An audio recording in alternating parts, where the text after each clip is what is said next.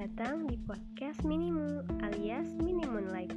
Ini adalah podcast yang berisi tentang review singkat buku bacaan yang sudah aku baca, film-film, dan tontonan lainnya yang sudah aku tonton. Aku harap podcast ini bisa berguna untuk teman-teman pendengar sekalian. Enjoy!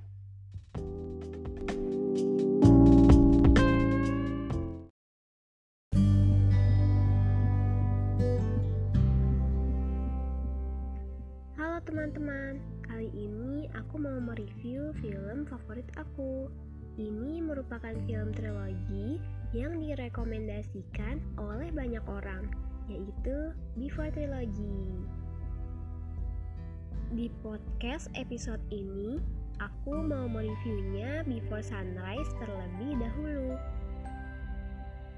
Before Trilogy ditulis dan disutradarai oleh Richard Linklater dan Kim Krizan. Pemeran utama dari film Before Trilogy ini adalah Julie Delpy yang berperan sebagai Celine dan Ethan Hawke sebagai Jesse. Diawali pada film Before Sunrise yang tayang pada tahun 1995. Pertama kali Celine dan Jesse bertemu ketika di dalam kereta menuju kota Wina. Tepatnya dipertemukan ketika ada sepasang orang tua yang adu mulut, sehingga akhirnya Celine dan Jesse berbincang. Celine mengatakan bahwa pasangan yang semakin tua akan saling kehilangan kemampuan mendengarnya. Kemudian, ia menjelaskan bahwa pria akan kehilangan kemampuan untuk mendengar suara bernada tinggi dan wanita akan kehilangan pendengaran bernada rendah. Pernyataan tersebut dikatakan bahwa pasangan yang seperti itu semacam saling meniadakan satu sama lainnya.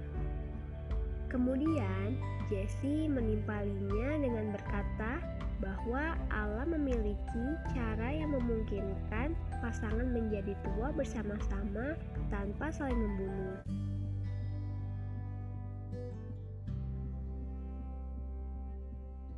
Nah, percakapan pembuka film inilah yang cukup mind-blowing, membuatku tidak bisa berkata-kata. Karena nanti pernyataan tersebut akan nyambung di film ketiga yaitu Before Midnight. Dalam film Before Sunrise, Celine dan Jesse saling bercakap-cakap mengenai banyak hal mau itu obrolan ringan hingga yang berat. Tidak disangka, ternyata pertemuan yang bisa membangun percakapan satu hari ini membuat mereka memiliki rasa satu sama lain. Setelah mereka berpisah keesokan harinya, mereka berjanji suatu saat nanti untuk bisa bertemu di tempat yang sama lagi, yaitu di Wina. Aku benar-benar sangat suka dengan film ini. Dari visualisasi, warna filmnya, latarnya, dan tokohnya begitu kuat. Cerita dan percakapan yang dibawakan oleh Celine dan Jesse sangat kuat dan indah. Mereka tidak perlu apa-apa untuk membuat filmnya indah, selain berdialog sepanjang film. Jujur saja, aku tidak merasa ada kekurangan dari film ini.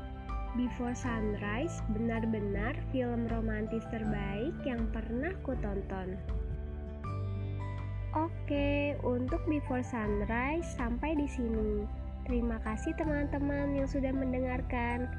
Untuk film Before Sunset bisa tunggu di podcast selanjutnya. Bye.